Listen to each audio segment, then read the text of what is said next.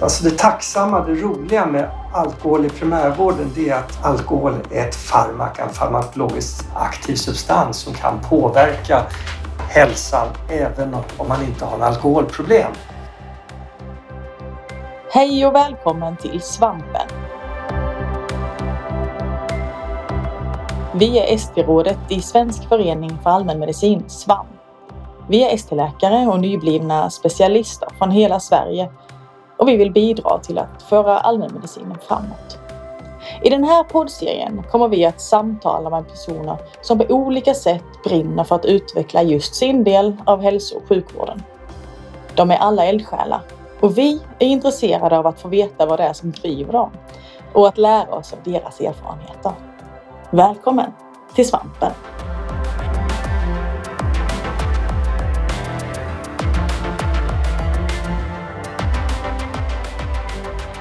Jag heter Ulrika Elmroth och idag så ska jag prata med Sven Molin.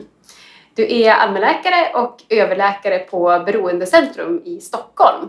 Varmt välkommen! Mm, tack för det! Men Sven, berätta, vad brinner du för? Mm. Mm, vad jag brinner för? Ja, eh, ja, förutom det jag jobbar med så är det trädgård. Mm. Mm, faktiskt. Trädgård, det är mitt konstnärliga projekt. Min och min fru får jag säga. Vi har det gemensamt. Så vi har en fin trädgård som vi visar gärna för folk och så vidare. Mm. Har fått pris för Wow. till och med. Varit i TV till och med. Så det är en Oj. fin trädgård. Mm. Ja, jag har fått se lite bilder och det kan det? jag intyga att eh, det var väldigt prydligt och eh, ompysslat. Mm, Okej. Mm. Mm. Men vad spännande, så att eh, trädgårdsintresserade kan komma och göra besök hos dig. Mm. Ja, jo då. det brukar komma lite bussar och lite besök sådär. Oj, bussar till och med? Mm. Jaha. Ja. Ja, vad kul. Ja, jag har ju precis köpt hus så- så att jag kanske får lite tips då. så småningom. Du kan få lite växter. Det verkar alltid växa till sig så man behöver dela på dem. Ja, Mm. ja, vad spännande. Mm. Det låter bra. Det ser jag fram emot här framåt Men annars är det, jobb, är det väl jobbet. Mm. Alkohol i primärvård Ja, som jag brinner för. Mm. berätta, hur kom du in på det? Ja, först var det väl som ett tilläggsuppdrag kan man säga på 90-talet. Kommunen hade en verksamhet och det var då som ett tilläggsuppdrag att vara där några timmar va- varannan vecka. Eh, sen blev det riskbruksprojektet. Eh, och ja, och sen, eh, och sen när, när politikerna i Stockholm beslutade att den här mottagningen skulle öppna då blev jag, blev jag tillfrågad och komma med på det. Mhm. Mm. Och eh, det var några år sedan. Ja, 2011 som det startade här. Ja, Mm. Och, och några år efter det så avslutade jag också jobb i primärvård. Så nu är det bara här faktiskt på deltid. Mm. mm, just det. Och du har sällskap också av lite kollegor. Ja, vi är några läkare, eh, psykologer, sjuksköterskor och så vidare. Och eh, nästan alla forskar också. Mm. Och just om alkohol. Ja, Mm. mycket forskning och utbildning. Ja, kul. Mm. Och du har också en del utbildningar. Ja, det var mycket. Mm. Bra. Men eh, varför är det så viktigt då med alkohol? Ja, men det, det är ett kul område därför att eh, det betraktas som svårt eh, i, i primärvård. Men ehm, eh, och det är så mycket stigma till vilk, vilket, är int, vilket är intressanta hinder som man ska överkomma. Då. Och nyckeln är mycket att liksom betrakta det som en eh, att alkohol det är, en, det är en aktiv substans som, eh, som påverkar hälsan hos oss alla. Och att komma ifrån lite det här med mängder och så vidare. Utan det, det, det kan påverka hälsan hos vem som helst. Egentligen oavsett hur mycket man dricker. Naturligtvis påverkar mycket mer om man dricker mycket. Men man, man behöver inte alltid förutsätta att man dricker mycket för att det ska påverka hälsan. Aha, vad svårt det blev plötsligt då. Nej, mycket enklare. Då når man patienten mycket enklare om man inte förutsätter att det är överkonsumtion när man pratar alkohol med patienter. Så det behöver inte bli lika dömande. Nej, precis. Mm. Men eh, ja, hur vet man då vilka man ska... Eh, när det blir problem?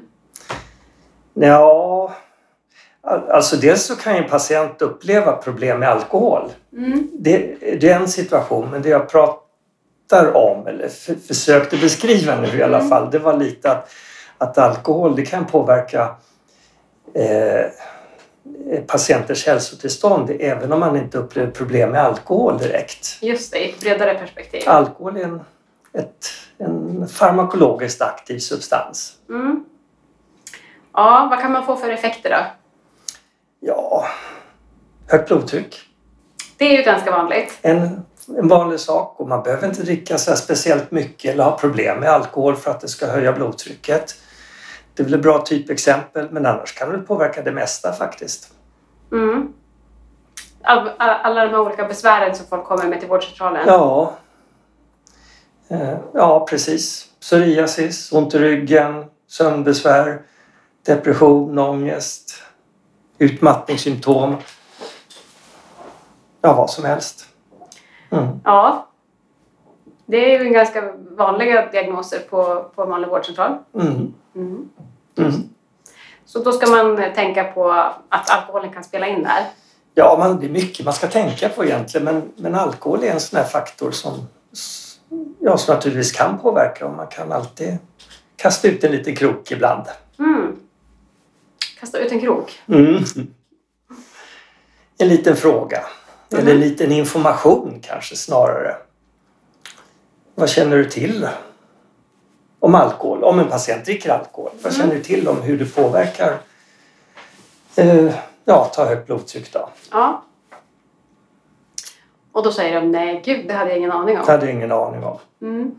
Och då får man se liksom om det blir relevant för patienten. Om patienten inte dricker särskilt ofta eller Mm. särskilt mycket så är det inte så relevant. Men om de har en konsumtion, regelbunden konsumtion varje vecka några gånger så kan det påverka. Mm. Även om det bara är något enstaka glas. Ja, ett par glas får det vara i alla fall kanske. Ett par glas eh, mer än ett par gånger i veckan. Ja, något Okej, sånt kanske. Ja. Ja. ja, för det är ju inte så här. Finns det någon eh, normal konsumtion eller liksom som är säker? Nej, det är lite det som är problemet också med att eh, vara det normal konsumtion. Att det, det, det man uppfattar som normalt det är, det är det man själv dricker och ens, ens bekantskapskrets dricker. Så vi har ju de här riskbruksgränserna. Mm. Känner du till dem? Ja, det är väl de här, det är visst många glas för män. Standardglas. Ja. Och där, där standardglas, det är ganska svårt begrepp, men standardglas det är ju 12, en, ett glas med 12 gram alkohol i. Mm. Det är ett standardglas och dricker man mer än 14 standardglas per vecka och är man eller mer än 9 för en kvinna då kallas det riskbruk. Och det rör sig om 14 standardglas, det är ungefär två flaskor vin. Kanske lite drygt Per vecka. per vecka då. Mm. Och en och en halv flaska för en kvinna i, i, i, i den storleksordningen. Det är väl ofta där man ser att det sker en hälsopåverkan vid de, vid de mängderna och över. Men det kan hända faktiskt för lägre mängder. En del är mer känsliga. En del är gamla.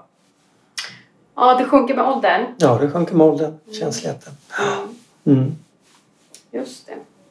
Så att eh, de som är vana att kunna dricka en viss mängd en vacker dag när de har blivit lite äldre då Mm. kan de inte det längre då, utan det blir mer påverkan i Då kroppen. blir det större hälsopåverkan.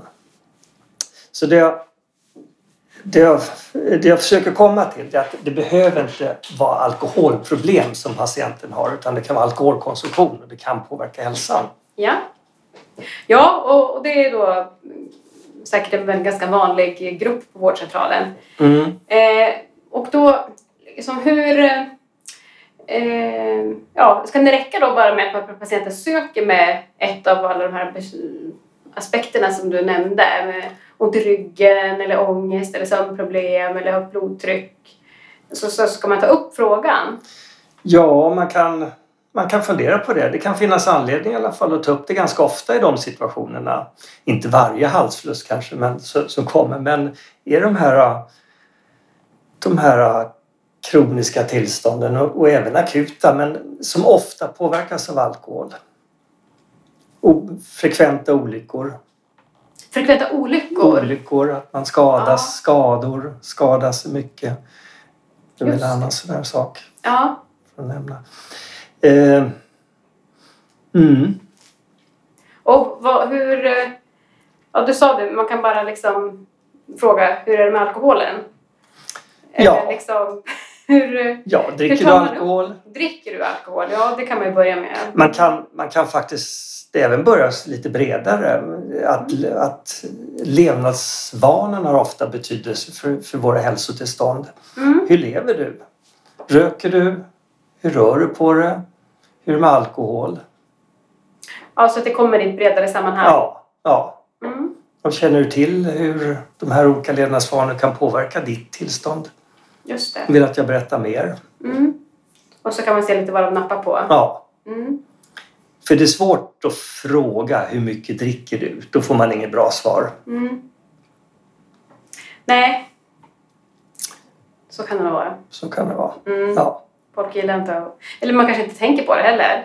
Nej, det kan vara både och. Man tänker inte på det. Man dricker som alla andra, tycker man. Ja. Nej, men det är samma sak med kost också. Man kommer väl knappt ihåg vad man åt i förrgår. Ja. Mm. Mm. Okej. Men finns det några positiva effekter av med alkohol? Ja, det är klart det gör. Det är många som tycker det är trevligt att dricka. Ja. Mår bra av det. Mhm.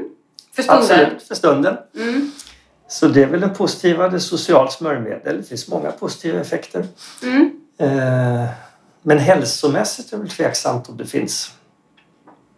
Det har ju också figurerat eh, studier att det skulle vara någon J-formad kurva, att eh, det skulle vara nyttigt att dricka små mängder, till Mm. exempel rödvin. Mm. Eh, vad är senaste nytt på den fronten? Ja, jag är glad att du säger senaste, för det har faktiskt förändrat ganska mycket på senaste tid. Den förhärskade synen har ju varit att det skyddar mot hjärtinfarkt. Eh, framför allt. Kanske lite diabetes också. Eh, eh, och dricka något enstaka glas om dagen. Framförallt hos äldre då, det är där man har sett det. Inte hos ungdomar eller medelålders.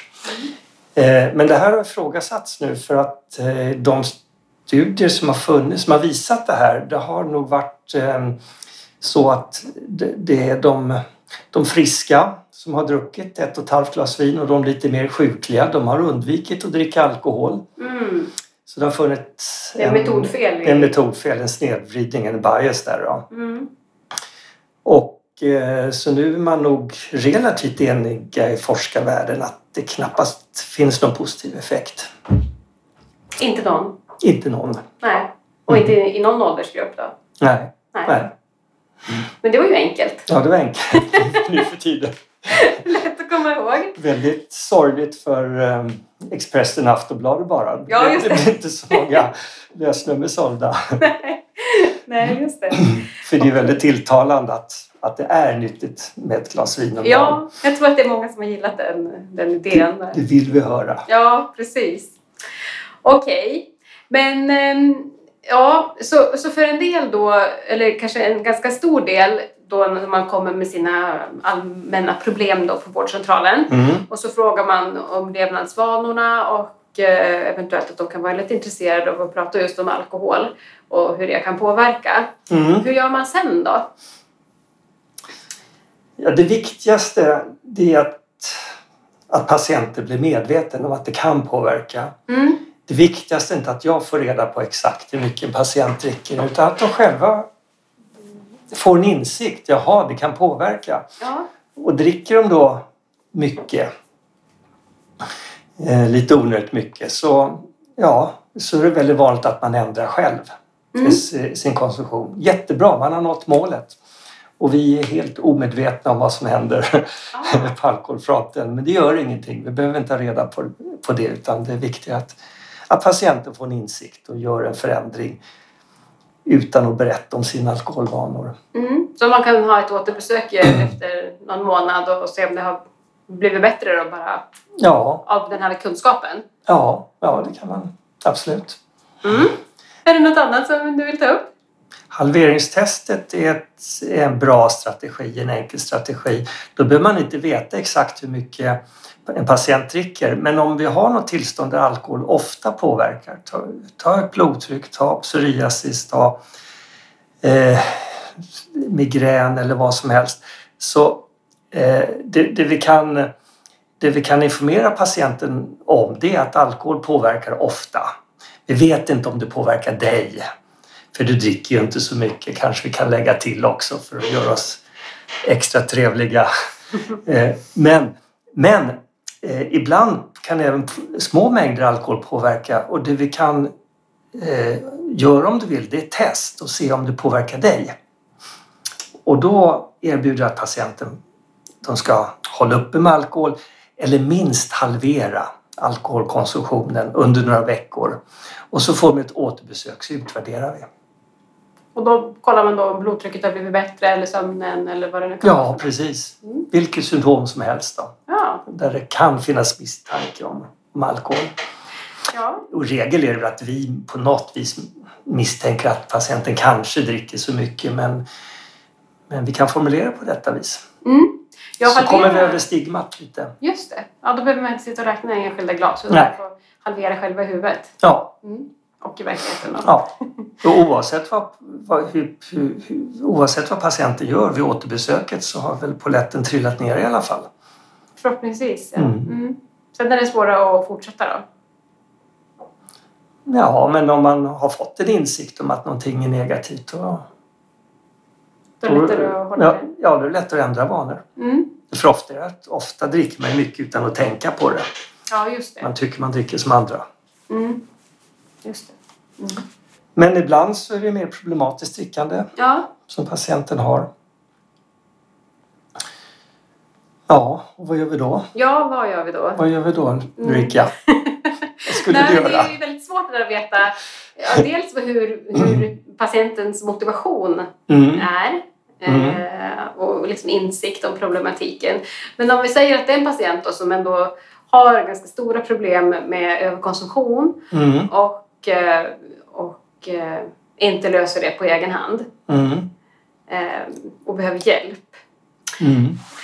Då kanske en del börjar fundera på ja, men kan man få hjälp via om man har sån tur att det finns en sån här mottagning då är det ju lättsamt om man kan remittera. Men alla tror jag, jag tror inte att alla våra lyssnare har en sån här eh, mottagning som man kan hänvisa patienterna till. Men då kanske man får själv fundera på det här med vad finns det för annan Ja, dels kanske tvärprofessionell behandling och läkemedelsbehandling och så vidare. Mm.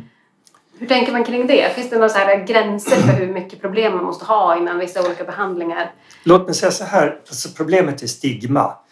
Eh, om man dricker för mycket och är medveten om det och det ställer till en del problem för en. Man har kanske ett alkoholberoende. Mm. Eh, man drar sig för att söka. Därför att att dricka för mycket, är, då är man ju en dålig människa, eller hur? Mm. Ja, just det. Det kan kännas så. Ja, det är den allmänna uppfattningen. Det är det man förväntar sig få höra fall att man är en dålig människa eller, eller åtminstone inte bli, bli betraktad som en dålig människa. Mm. Och därför drar man sig för att ta upp det. Ehm, och man förväntar sig också att det, vi, vi, inte kan hjälpa särskilt bra. Patienterna har rätt därvidlag. De kommer nog inte att få särskilt bra hjälp. Vi är dåliga på att hjälpa. Vi mm. kan inte använda läkemedlen. Vi kan inte enkla psykologiska behandlingsknep i primärvården, tyvärr. Vi är mm. ganska dåliga på det. Mm.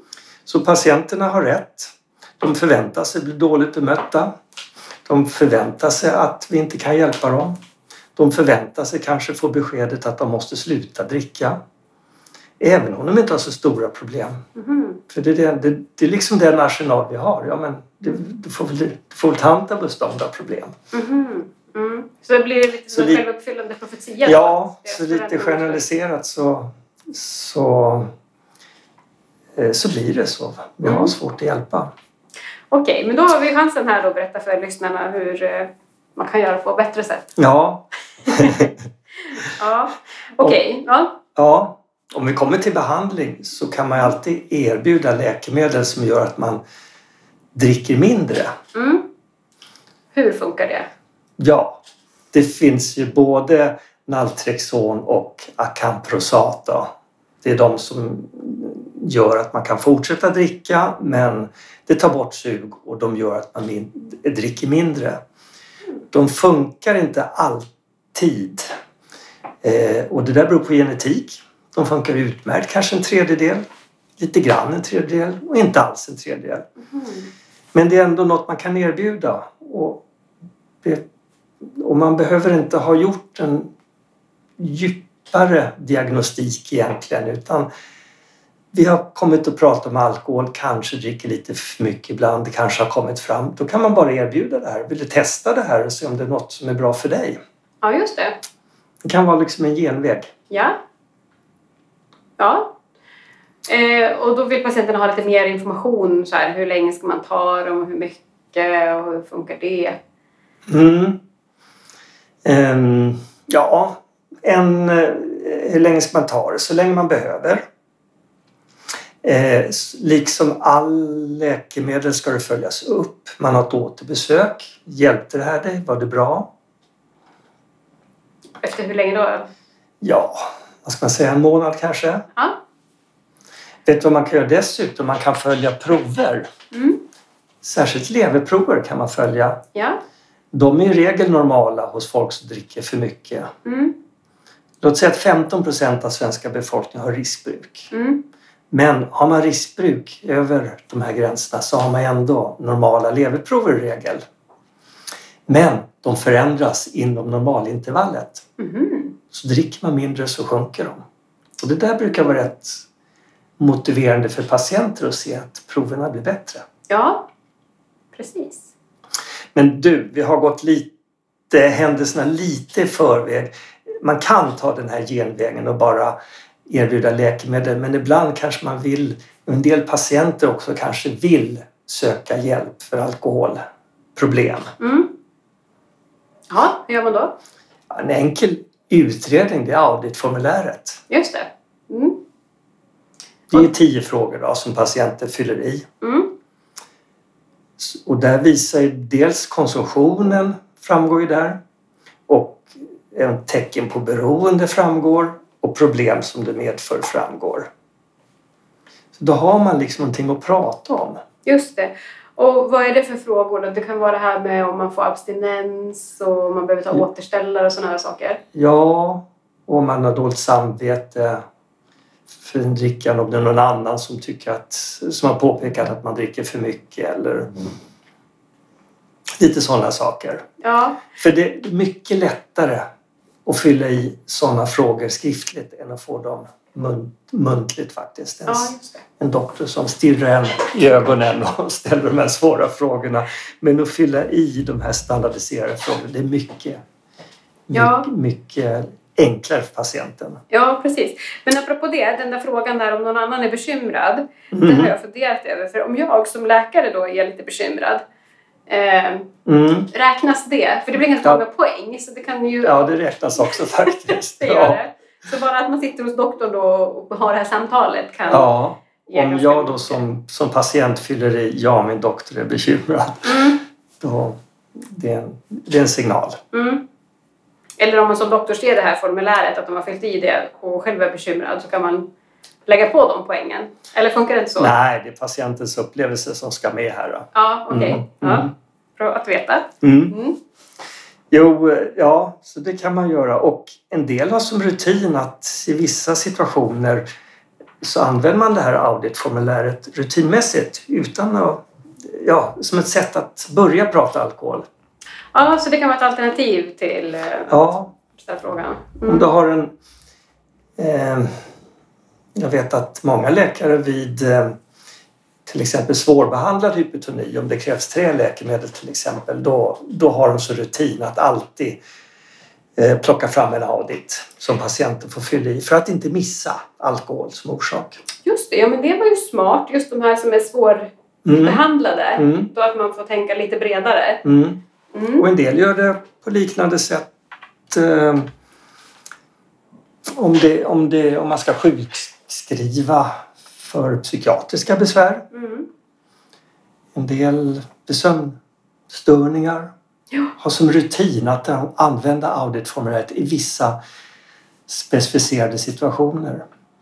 Om man tycker det är svårt att prata alkohol och om man lätt glömmer bort att prata alkohol så kan man ha de här situationerna när det är så vanligt att alkohol påverkar.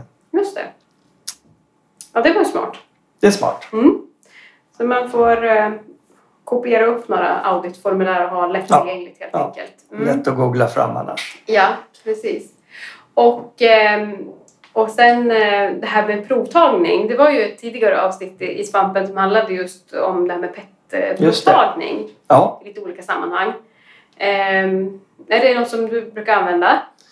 eh, det kan man faktiskt ha på samma sätt som jag nu beskrev att man kan ha audit så kan man även ha rutin med att ta PET. eh, Att inkludera det i vissa situationer. Om man Mm. har nyupptäckta hypertonier. Jag vet i Dalarna är det ganska vanligt att man har sådana rutiner. Just det. Mm. Och om man har eh, PET då, behöver man ta CDT och... Nej. Nej. Nej. Det räcker med ett. Ja, Mm. och PET det visar ju bara senaste veckornas konsumtion så det behöver inte vara tecken på att man har alkoholproblem. Men det kan vara lite extra mycket fester bara Ja, om det är ett högt värde där. Semester och sådär. Ja, Mm. Okej, det är bra att veta. så det gäller att avdramatisera. Däremot CDT, då måste man dricka rätt mycket under lång tid för att det ska bli högt. Ah, Okej. Så där skulle man kunna ha grann för att diffa. Mm. Mm. Ja, Mm. det var ju bra. Eh, Okej. Men eh, hur ser det ut då? Eh, ja, men hur, vad har ni för behandlingserbjudanden här till exempel? Det var Eh, lite olika professioner och det finns Ja, läkemedel och sådär. Ja. Den här mottagningen tillhör ju Beroendecentrum Stockholm. Då. Eh, Men den kom till på ett politiskt, genom ett politiskt initiativ. Att man såg just att det är många människor som har eh, som upplever att drickandet är problematiskt men man drar sig för att söka någonstans. Man vill inte söka beroendemottagningar, det känns för tufft eller, eller kommunens, socialtjänstens mottagningar. Eh, Så det här är mer lågtröskligt då. Och vi jobbar mycket med stigmat här. Det heter inte eh, beroendemottagning eller missbruksmottagning. Missbruk, vi ska undvika det ordet. Utan det heter då eh, mottagning för alkohol och hälsa. Mm. Och ehm, ehm, här har vi korta behandlingar. Och eh, vi har behandlingar som man kan göra i primärvården i stort sett. Ehm, KBT-baserat. Mm. Det finns på vår hemsida förresten finns det en manual hur man kan göra detta. Jaha, ja men det var ju Och på bra. hemsidan finns det också eh, Det finns mycket på hemsidan. Det finns artiklar med tips om läkemedelsbehandling. Det finns en liten auditskola Mm. och det finns auditformulär på 30 språk. Oj, på 30 språk? Ja, Riddargatan, punkt, riddargatan1.se Perfekt. Mm. Då kan man hitta massa bra kan man material. hitta. bra material. Ja. Men vi har även eh, tolvstegsterapeut faktiskt här Mm. för de som vill vara helnyktra. Mm. Och eh, vi har vi, eh, internetbehandling har vi också. Och vi beforskar de här olika behandlingsmetoderna. Mm. Och tanken är ju med vår mottagning, vi har, vi har dubbla uppgifter. Dels ta emot patienter men även har vi metodutveckling och forskningsuppdrag och ett utbildningsuppdrag. För de här behandlingarna de går att göra i primärvården. Ja, perfekt. Vad bra. Ja, men så det fanns lite allt möjligt att välja på där då. Mm. Och Mm. är det patienten som får välja eller vad är det som avgör? Ja, lite är det så faktiskt att eh, det är svårt att matcha viss typ av alkoholproblem till en viss, eh, ja, till en viss patient. Utan patienterna får i stor utsträckning matcha sig själva. Liksom. En del vill absolut inte ha läkemedel och en del vill absolut inte träffa en psykolog. Så det, det styr ganska mycket. Ja, okej. Men ser man någon skillnad då mellan till exempel KBT och tolvstegsprogram eller läkemedel? Eh, Eller ska man kombinera dem? Eller liksom, vad, är det som har bäst effekt? Det, nej, men det, det, får vara, det får vara patientcentrerat, det patienten väljer. Mm. Och vårt huvudnummer egentligen det är kontrollerat drickande. Ah, okej. Så de flesta vill ju fortsätta dricka men dricka på ett bättre sätt. Ja, det är ju intressant. Det, det går alltså. Det kanske vi skulle ha pratat om inledningsvis egentligen. Mm. För det, det är liksom grunden på något vis i vår, i vår profil. att eh, det, det handlar inte om helnykterhet för de flesta som har ett måttligt beroende. Har man svårare beroende då är det nog enda, enda, enda, enda möjligheten. Då är det svårt att dricka kontrollerat. Mm. För många patienter blir det en process att man man vill ju gärna dricka kontrollerat. Man vet inte om man kan, man vill gärna försöka. Då får man försöka. Och sen så märker man att ja, det kanske går någorlunda men det är sånt himla jobb. Det är en ansträngning att styra sitt drickande och hela tiden tänka på det. Det blir enklare att vara helt nykter. Mm. Så ofta är det en process. Så. Okej. Hur lång tid kan det ta då? Ja, några månader, Ja, halvår kanske. okej. Mm. Och hur vanligt är det med, med liksom återfall? Det är ganska vanligt eh, att man börjar dricka igen, skulle jag hellre säga, än återfall. Mm. Ehm, Ja, det är, det är så stigmatiserad terminologi här med alkohol och återfall och vi ska, Ja. vi ska upptäcka alkoholproblem. Det patienten skäms för, det ska vi upptäcka. Mhm, ja. Det är väl inte Nej. så bra va? Nej, det låter ju lite övervaknings... Det är bättre att upp, uppmärksamma. Ja, just det. Mm. Eh, mm. Jo, men det är väl ganska vanligt att man misslyckas med sina ambitioner och dricka på ett bättre sätt. Och då att ta nya tag då. Ja, för jag tänker att det kan ju vara lite knäckande kanske för patienten om man upplever, om man nu har gjort en ambitionsplan för sig själv så här att nu ska allt bli bra och frid och fröjd. Och det Mm. handlar kanske inte bara om, om alkohol, men nu pratar vi om just det nu. Men liksom, och sen så misslyckas man. Eller, alltså det kan ju handla om att när man själv försöker sluta äta godis och sen så ja, men, och så, så hamnar man framför en Mm. godisskål och så börjar man Ja. äta. Ja, då får man börja om på dag ett igen. Liksom. Nej, så Eh, ska men man det inte kan man ju det. känna att man blir missnöjd med sig själv. Så Mm. det kan ju vara bra att veta för patienten att eh, om det nu är vanligt att man då ehm, inte Det- kan hålla sin plan, eh, Ja. att det är vanligt då att man bara tar nya tag. Men hur kan man liksom förmedla det då i så fall? Ja, alla förbättringar är framsteg. Har man aldrig varit, haft någon, eh, om man nu har ambitionen att vara helnykter, har man aldrig haft någon längre nykterhet förut så är det utmärkt om man lyckas vara nykter i två veckor. Mm. Ja, det är bättre än ingenting. Ja, liksom. det är ett steg på vägen. Ja. Och så märker man att det gick inte så bra. Varför gick det inte så bra då? Kan det vara ett skäl till reflektion?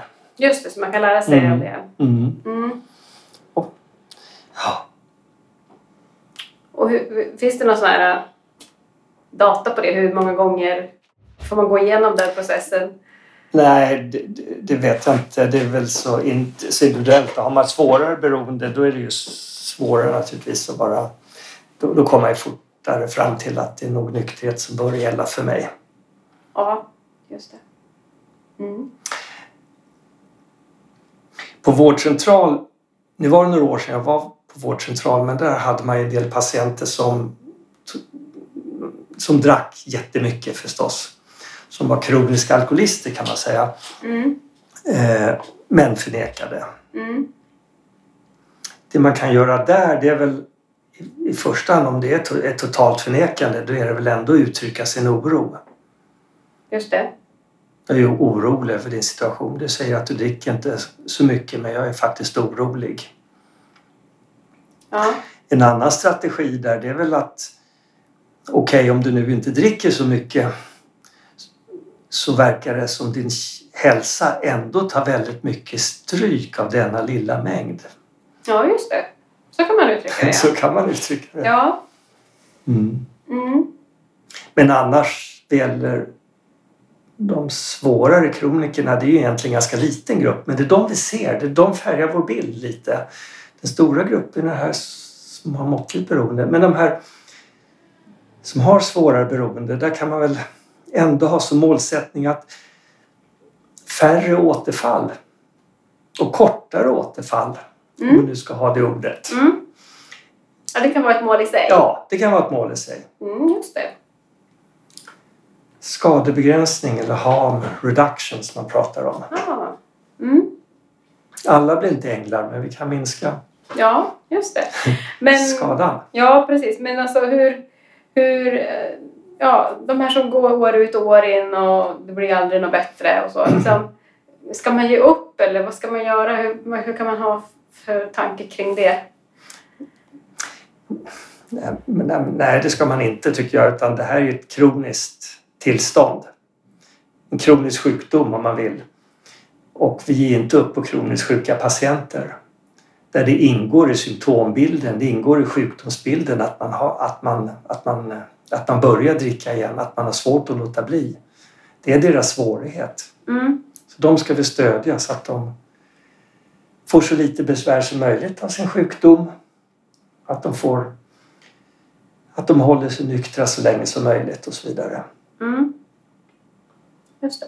Och hur gör man det? Ja, exakt. Gör man det Mm. genom att vara genom att vara lättillgängliga, genom att ha tillgänglighet, att finnas där när patienten börjar dricka igen. Mm. Att hjälpa dem med att bryta. Brythjälp Mhm. är bra. Hur går det till? Därför att många har ju svårt att sluta dricka för att, det, för att de får sån abstinens. Ja. Så då, då, då skjuter man på det. Mm.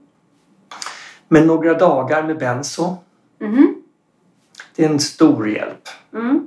Och det är helt enligt eh, Läkemedelsverkets riktlinjer. Det ska ge brythjälp. Kan man ha det i In- hemmet? in- inte bara, nej, det ska, nej, då ska de komma eh, och hämta. Ja. Ska komma och hämta. Och det, alltså dels kan det vara för att eh, undvika en allvarlig abstinens med kramper och ja, precis. Men det Och tror jag många har sett kanske under sin AT. Man har varit på, på psykiatrin och haft Ja. som ligger tillnyktring och så. ja, Ehm, men, men även för att underlätta tillnyktring. Ja. Men det kan man, kan man ha någon sorts primärvårdsvariant av det menar du? Ja, ja, ja. Mm. Det bör man ha. Mm. Några dagars benzo. Det räcker med kanske tre dagar, kanske max fem dagar. N- Nedtrappande dos. Så då kommer de till vårdcentralen och hämtar det då varje dag? Ja, Ja. Mm. Det är det som är brythjälp alltså? det är brythjälp. Ja. Mm. Mm. Bra, det var... Och det kan röra sig om Oxascan till exempel, Oxazepam. Mm. Eh, ja, enligt Läkemedelsverket upp till 100 milligram per dygn. Men, det, men i regel räcker med mindre. Mm. Och så trappar man ner då för Så varje trappa ner, så max fem dagar. Mm. Och aldrig kronisk behandling. Nej. Man vill inte skaffa ett beroende till? Nej. Nej. Nej. Just det. Okej. Och ehm, när vi ändå är inne på det, så det här med tabletter och, och blandmissbruk. En, en del kanske har någon smärtproblematik eller något annat ångest eller vad det kan Mm. vara och har fått tabletter för det som inte är så bra på lång sikt kanske. Ehm, ska man ta det i någon viss ordning då eller liksom hur, hur, eh, hur kan man tänka kring det? Eller är det inte något vi ska hålla på med i primärvården? Eh, Man kan ju fundera på om det finns någon beroendeklinik som kan ta om det är flera substanser som man är beroende av, absolut. Mm. Men, men ganska ofta är det väl så att det kanske är alkohol som är huvudproblemet. Men dessutom så kanske man röker lite hasch eller tar något annat. Av och till, men det är inte huvudproblemet. Mm. Då ska vi behandla alkohol. Jaha, Eh, att ja, det är alkohol som är det värsta. ja, Mm. vi ska behandla det vi kan behandla. Mhm. Men, ja, men är det helt okej då att de fortsätter med sitt hasch då och då? Okej, lite mycket, mycket sagt kanske, men Ja. om inte det är ett jätteproblem Mm. Eh, och, och då säger att patienten kanske inte vill gå till en beroendeklinik. Då ska vi hjälpa till med det vi kan hjälpa. Ja, du tänker så ja. ja. Ja. Precis. Nej, och då kanske motivationen ökar också Ja. vartefter. Ja, Eh, men det, jag tänkte lite och det ena beroendet det... leder till... Man kanske tar andra droger i fyllan till exempel. Det är Just ganska det. vanligt. Va? Ja. Just det. Fast det är inte huvudproblemet. Nej. Men vi hjälper till med det vi kan hjälpa till med. Ja, tänker det kanske kan kännas lite eh, svåröverstigligt att ändra alla sina livsstilsproblem Mm. eh, från en dag till nästa. Precis. Mm. Okej, men då är det okej att ta det lite stegvis då. I det sammanhanget förresten så kan man ta upp det här med samtidig depression och alkoholberoende. Ja. Där, där har ju patienten ofta bollats. Psykiatrikerna vill inte ta hand om det för att de har ett, eh, ett alkoholberoende. Och beroendekliniken, eller vi, vill inte ta hand om det för att de har ju ja, substansberoende. Då. Ja, och vad är hönan och ägget? Ja, och det behöver man enligt Socialstyrelsens riktlinjer i alla fall så ska man behandla bägge samtidigt. Ja, Man ska inte bry sig om vad som är hönan och ägget, man ska behandla. Behandla Ja. på. just det. Så då SSRI eller KBT samtidigt som man eh, jobbar Ja, med alkohol ja, på det viset som ja. verkar lämpligt. Ja. Mm. Vi jobbar med det vi kan jobba med. Mm. Bra. Och samma med ångest och sömnbesvär och så. Mm. Mm. Eh, apropå sömn, är det så här, om man har då beroende, eller liksom eh, tendens att eh, eh, fastna för alkohol, är, det sam, är det ökad risk då också att man eh, riskerar, har en ökad risk att bli beroende för till exempel sömntabletter?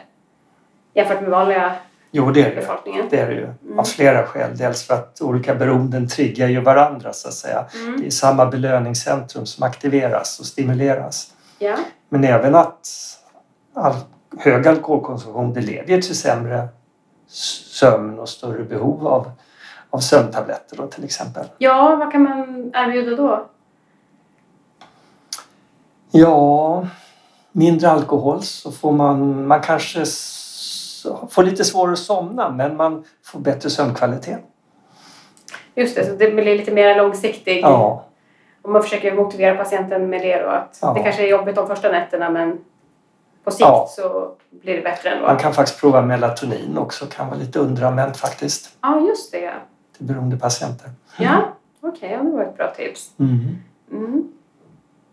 Ja, hur är det med ärftlighet? Jag tänker om man nu har en patient som har stora problem ehm, ska man be att de pratar med sina barn till exempel så att de eh, in, är extra försiktiga med alkohol till exempel? Eller finns det några sådana? Klok, klok tanke. Ärftlighet betyder jättemycket. Eh, Det gör det. Det, det. det förklarar en stor del av, av beroendebördan i, i samhället om man säger så. Och det ser man hos den enskilda individen.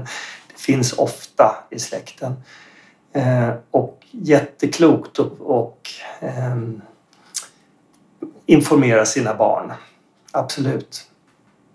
Fast sen är det så att barn de, de, de gör ju inte som vi säger, de gör ju som vi gör. Ja. Vad gäller alkohol i alla fall. Och andra vanor kanske också. Mm. Så det är väl, ja. Det är svårt att veta vad som är biologisk och social ärftlighet. Kanske också. Ja, jo då, det finns mycket forskning på det. Biologisk ärftlighet betyder jättemycket. Mm. Det, det förklarar, säger man, 50-60 procent av, av beroendebördan i samhället. Okej, Mm. ja. Så att det kan finnas liksom riskfamiljer och så. Det kan Mm, komma in ja. redan på BVC då att man ja, kan veta liksom att det här kan vara problem. Ja, Ja. ja Mm. lite drastiskt kanske, men okej. Mm. Varna, Nej, nej, men- varna för det där. Mm. Mm. Ja, nej men eh, jag tänker att eh, det kan ju vara problem för vissa familjer på BVC eh, i omhändertagande av barnen när de är små redan. Eh, men det är klart att BVC inte kan ha uppföljning av dem när de blir tonåringar. Men, men ibland är man ju samma läkare som sitter där. Ja, Sen några år senare. absolut. Mm. absolut. Ja. Ja. Eh, du pratade om det här med alkoholfri operation. Ja, där har kunskapen vuxit ganska mycket på senare år och eh, eh, har man ett riskbruk av alkohol då är eh, komplikationsökningen den är i samma storleksordning som, man, som om man är dagligrökare. Oj, Eh, faktiskt 55 procent ungefär ökar komplikationerna om man har riskbruk av alkohol. Åh, det är mycket. Det är ganska mycket. Och det där det ligger naturligtvis i patientens intresse i första hand att jag, jag vill inte öka mina risker för komplikationer. Men det ligger även i kirurgens intresse som vill ha bra siffror och det ligger i oss skattebetalares intresse Mm. att det ska vara en, en billigare vård. Mm. Ja. Är det liksom något etablerat eh, att man pratar om alkohol inför operationer? Det kommer nu, i och med Socialstyrelsens senaste riktlinjer här om, om, om, om, om levnadsvanor eh, ohälsosamma levnadsvanor, hur vi ska hantera det. Där har det här med alkoholoperation kommit med och nu börjar regionerna runt om i landet att agera på det där. Så det kommer mer och mer. Det jobbas på det här. Och komplikationer, det är blödningar, det är infektioner, det är eh, svårläkta sår. Ja, de och gamla vanliga. De gamla vanliga. Mm. Ja, Så det är hela spektrat. det är hela spektret. Mm. Wow. Och det är alla typer av, alla typer av operationer. Mm. Ja, Är det någonting som vi eh, i primärvården ska liksom... Det är bra att känna till. Men, eh, absolut. Vi bör väl informera patienter om det om vi skickar Mm, in, in, innan vi skickar remiss till exempel. just det. Och eh, det som väl ju- ju- just eh, jobbas på det är väl det här flödet. Vem ska informera när? Och gissningsvis så, så kommer det att landa i, de flesta riktlinjer kommer att landa i att både primärvården har sitt ansvar att informera patienten och inför operation så ska man också försäkra sig om att man, att man har minimerat riskerna. Just det. Och hur länge innan operationen är det om? Eh, fyra veckor, kanske sex veckor. Ingen alkohol? Ingen rökning? Nej, ungefär så. Det bästa av eller? Alltså evidensen de finns ju för riskbruk av alkohol, Mm. dricka mycket. Det är där man vet att eh, det finns inte beforskat ordentligt hur, om man nu dricker ett par glas vin i veckan, vad händer då? då? Det, det, det vet vi inte. Men ett, ett, ett allmänt råd då, det, det är väl att hå- håll helst upp eller, eller håll ner åtminstone Ja. så mycket som möjligt. Mm. Ja, men det var ju enkelt och bra också. Enkelt och bra. Ja, Mm bra. Är det något annat som du tycker att vi borde eh, ta upp i det här sammanhanget? Nej. Något annat vet jag inte, men om, jag så, om man får sammanfatta något så kan man säga att dels det, alltså, alltså det tacksamma, det roliga med alkohol i primärvården det är att alk alkohol är ett farmak, en farmakologiskt aktiv substans som kan påverka hälsan även om man inte har en alkoholproblem. Och den bogen, det är den framgångsrika bogen att prata med de flesta patienter. Eh, Det behöver inte handla om att dricka för mycket utan alkohol det kan påverka ändå. Sen är det väl, sen är det naturligtvis som så att, att i regel behöver man dricka relativt mycket för att det ska vara en påverkan. Men samtalsmetodiken det, kan vara på det viset att, att, att det kan alltid påverka. Och en del är också dessutom särskilt känsliga så att även små mängder kan faktiskt påverka. Den, an, den andra situationen med alkohol det är att man har ett alkoholberoende och det är 4,5 procent av befolkningen i punktprevalens. Det är uppåt 15 procent i livstidsprevalens faktiskt. Oj. Ja, det är höga siffror. Någon gång under Mm. livet så har man, ofta är det unga vuxna då. Studenter och sådär kanske? Ja, och där, lite där, ja, studenter och lite däröver. Mm. Eh, och där är ju skammen som hindrar och vi, har, vi är dåliga på behandling där. Och där kan man ju... Det kan audit vara ett sätt att få en, en anamnes snabbt och enkelt. Mm. Och där berättar ju i auditformuläret finns det ju frågor om på vilket sätt alkoholen ställer till problem för en. Så då har man ju en utgångspunkt. Mm. Och fråga om patienten vill ändra. Om de har funderat på att ändra. Mm. Om de vill ha stöd för att ändra. Just det. Ja, Och du sa också att provtagning kan vara motiverande för patienterna. provtagning är bra att följa. Mm. Biofeed, så- som en biofeedback då. Mm. Så att kroppen återhämtar sig. Mm. Mm. Du, du har ju skrivit en bok också. Ja, alkohol en fråga för oss i vården på studentlitteratur. Mhm. Där finns allt. Allt. Ja, men det är perfekt. Bra fördjupning. Vem uppfann alkoholen till exempel? Oj! Det kan man läsa där. Är det någon som har patent? har gått ut för Ja, några det tusen skulle, år sedan. ja, det skulle, det skulle man ha. ja, eller hur? ja, men det är ett tips då för den som vill fördjupa sig. Ja. Mm. Mm. Bra. Eh, du är ju också ordförande i SVAMs eh, råd för levnadsvanor. Mm. Stämmer bra det. Ja, vad, vad gör ni? Vi har varit ganska aktiva när Socialstyrelsens riktlinjer om levnadsvanor kom och så vidare. Då, då försökte vi påverka mycket. Det var ganska svårt att påverka ska jag säga. Men, det var, vi, men vi fick nog ett visst inflytande där i alla fall. Ett lite mer allmänmedicinskt perspektiv Ja, på precis. nationella riktlinjerna. Ja, precis. Det Mm, kändes eh, vikt, viktigt. verkligen. Ehm, nu, är det väl, nu har ju SVAM ett utbildningsprojekt där, där jag då är med i rollen som ordförande. Då. Men annars är det väl inte så mycket. Men om det är någon som är intresserad och har tankar och vill driva något så, så är det en plattform. Ni tar in eh, fler medlemmar i rådet. Gärna. Ja, vad kul. Mm. Jag tror att det finns du- ganska många allmänläkare som är intresserade Mm. av levnadsvanor. Mm. Vill du bli med Ulrika? Ja, det är ett av mina nördämnen. Eh, någon gång så... Nej, men levnadsvanor, eh, det finns ju verkligen potential.